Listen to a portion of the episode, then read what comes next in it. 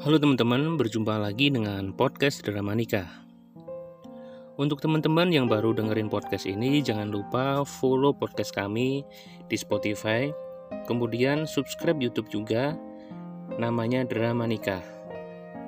Kalian bisa komen-komen di situ tentang cerita yang diupload atau kalian bisa sharing pengalaman pernikahan kalian.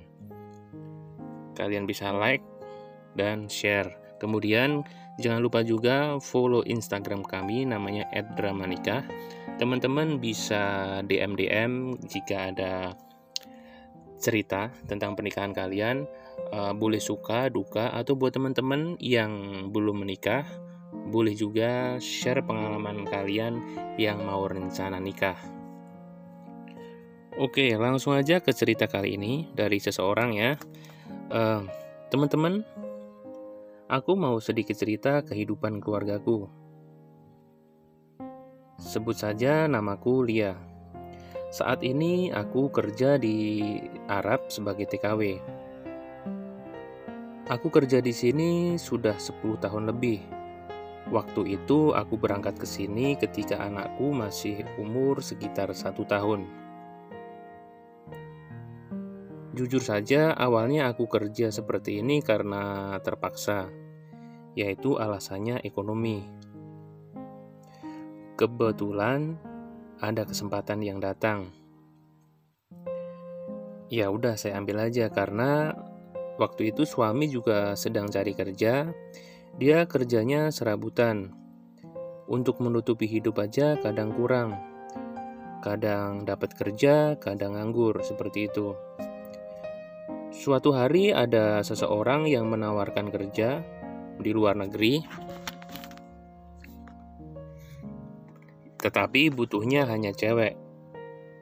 Setelah berunding dengan keluarga, ya udahlah, akhirnya saya terima aja. Bismillah aja waktu itu.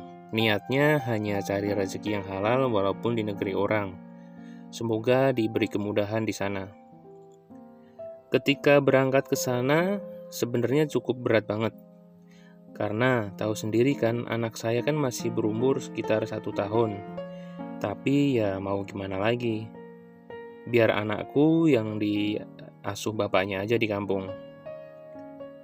Ketika berangkat sebenarnya juga nggak punya duit. Aku masih ingat banget. Kita jual perhiasan yang dibeli ketika kita nikah. Selama bekerja di sini, aku tidak mendapatkan masalah ya.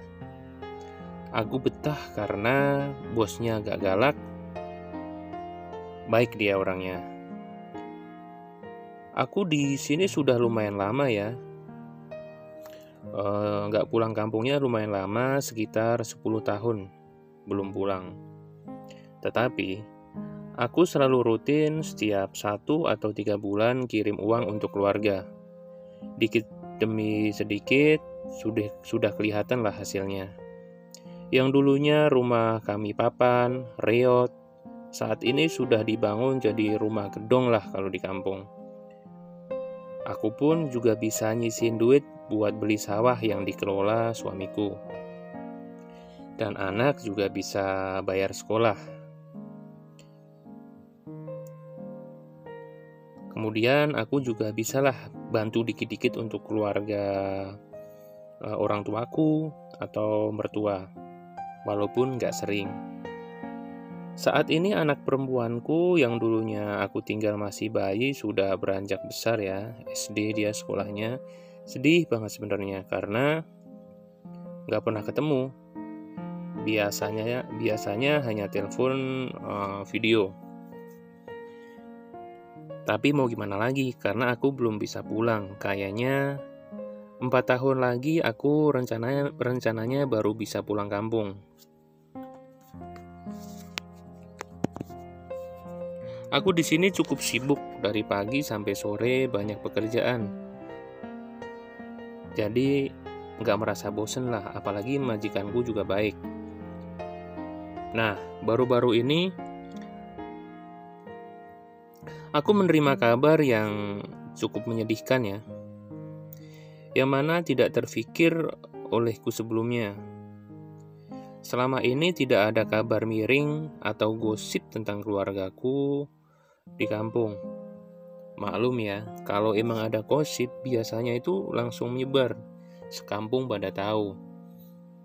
Di kampungku biasanya seperti itu. Jadi selama ini saya nggak mendengar apa pun. Saya sering buka Facebook juga nggak ada nggak ada temen yang ngasih tahu saya tentang ini itu kabar miring tentang keluarga kami di kampung.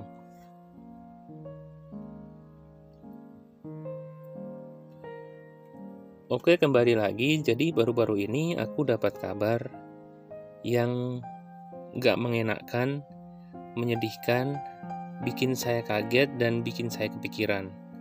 Sedih, sangat sedih banget dan malu lah. Aku dapat kabar kalau suamiku di kampung digerebek oleh warga. Katanya, Suamiku ketahuan beberapa kali bawa masuk atau tidur bareng dengan perempuan yang mana itu tetangga rumah sendiri. Ini kabar dari keluarga dan adalah beberapa orang yang kirim pesan di Facebookku. Katanya, suamiku ini udah diperhatikan cukup lama sama warga ya di hari-hari sebelumnya sampai mereka itu kedapatan berduaan lagi dan digerbek pada suatu waktu. Sebenarnya sebenarnya aku kenal dengan perempuan itu. Dulu ketika aku berangkat jadi TKW, dia memang belum nikah. Namun saat ini perempuan itu sebenarnya punya suami juga. Tetapi suaminya pengangguran dan katanya kurang lah kurang dari segi penghasilan kurang aku sedih banget ya. Aku di sini tuh dari dulu kerja untuk keluarga. Banting tulang gak pernah ketemu. Sementara dengan teganya suamiku malah melakukan hal seperti itu. Aku malu kemudian kepikiran gimana ya nasib anakku di kampung? gitu.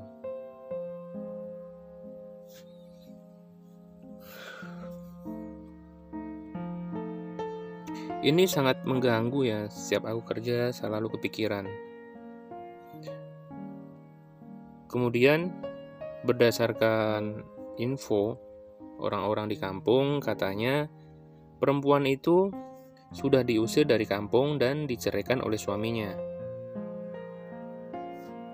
Sementara suamiku masih tinggal di kampung dengan anakku, menempati rumah yang dibangun dengan hasil kerja kerasku.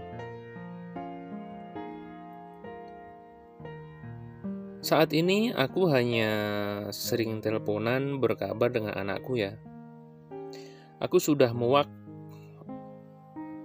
udah nggak pernah chatting atau telepon dengan suamiku.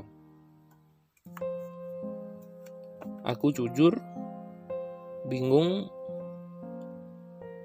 aku ini mesti cerai atau gimana gitu. Karena aku kan jauh di perantauan. Walaupun suami sudah minta maaf berkali-kali, tetapi kepercayaan ini hilang. Aku merasa curiga terus dengan suamiku. Karena Aku di sini nggak bisa mengawasi dia setiap hari.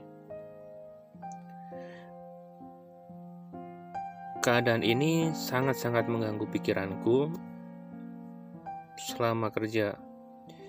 Kadang aku kerja jadi sering salah, sering lupa, sering ngelamun. Kalau ditegur majikan, aku jadi nggak enak tapi nggak mungkin juga dong aku cerita tentang masalah keluargaku ini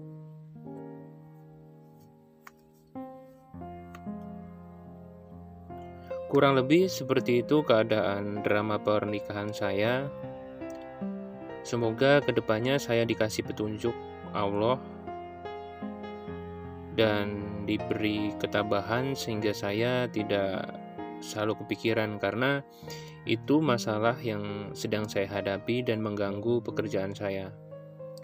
Dan semoga anak saya di kampung baik-baik aja. Dan di sini saya juga butuh masukan dari teman-teman penggemar drama nikah. Terima kasih.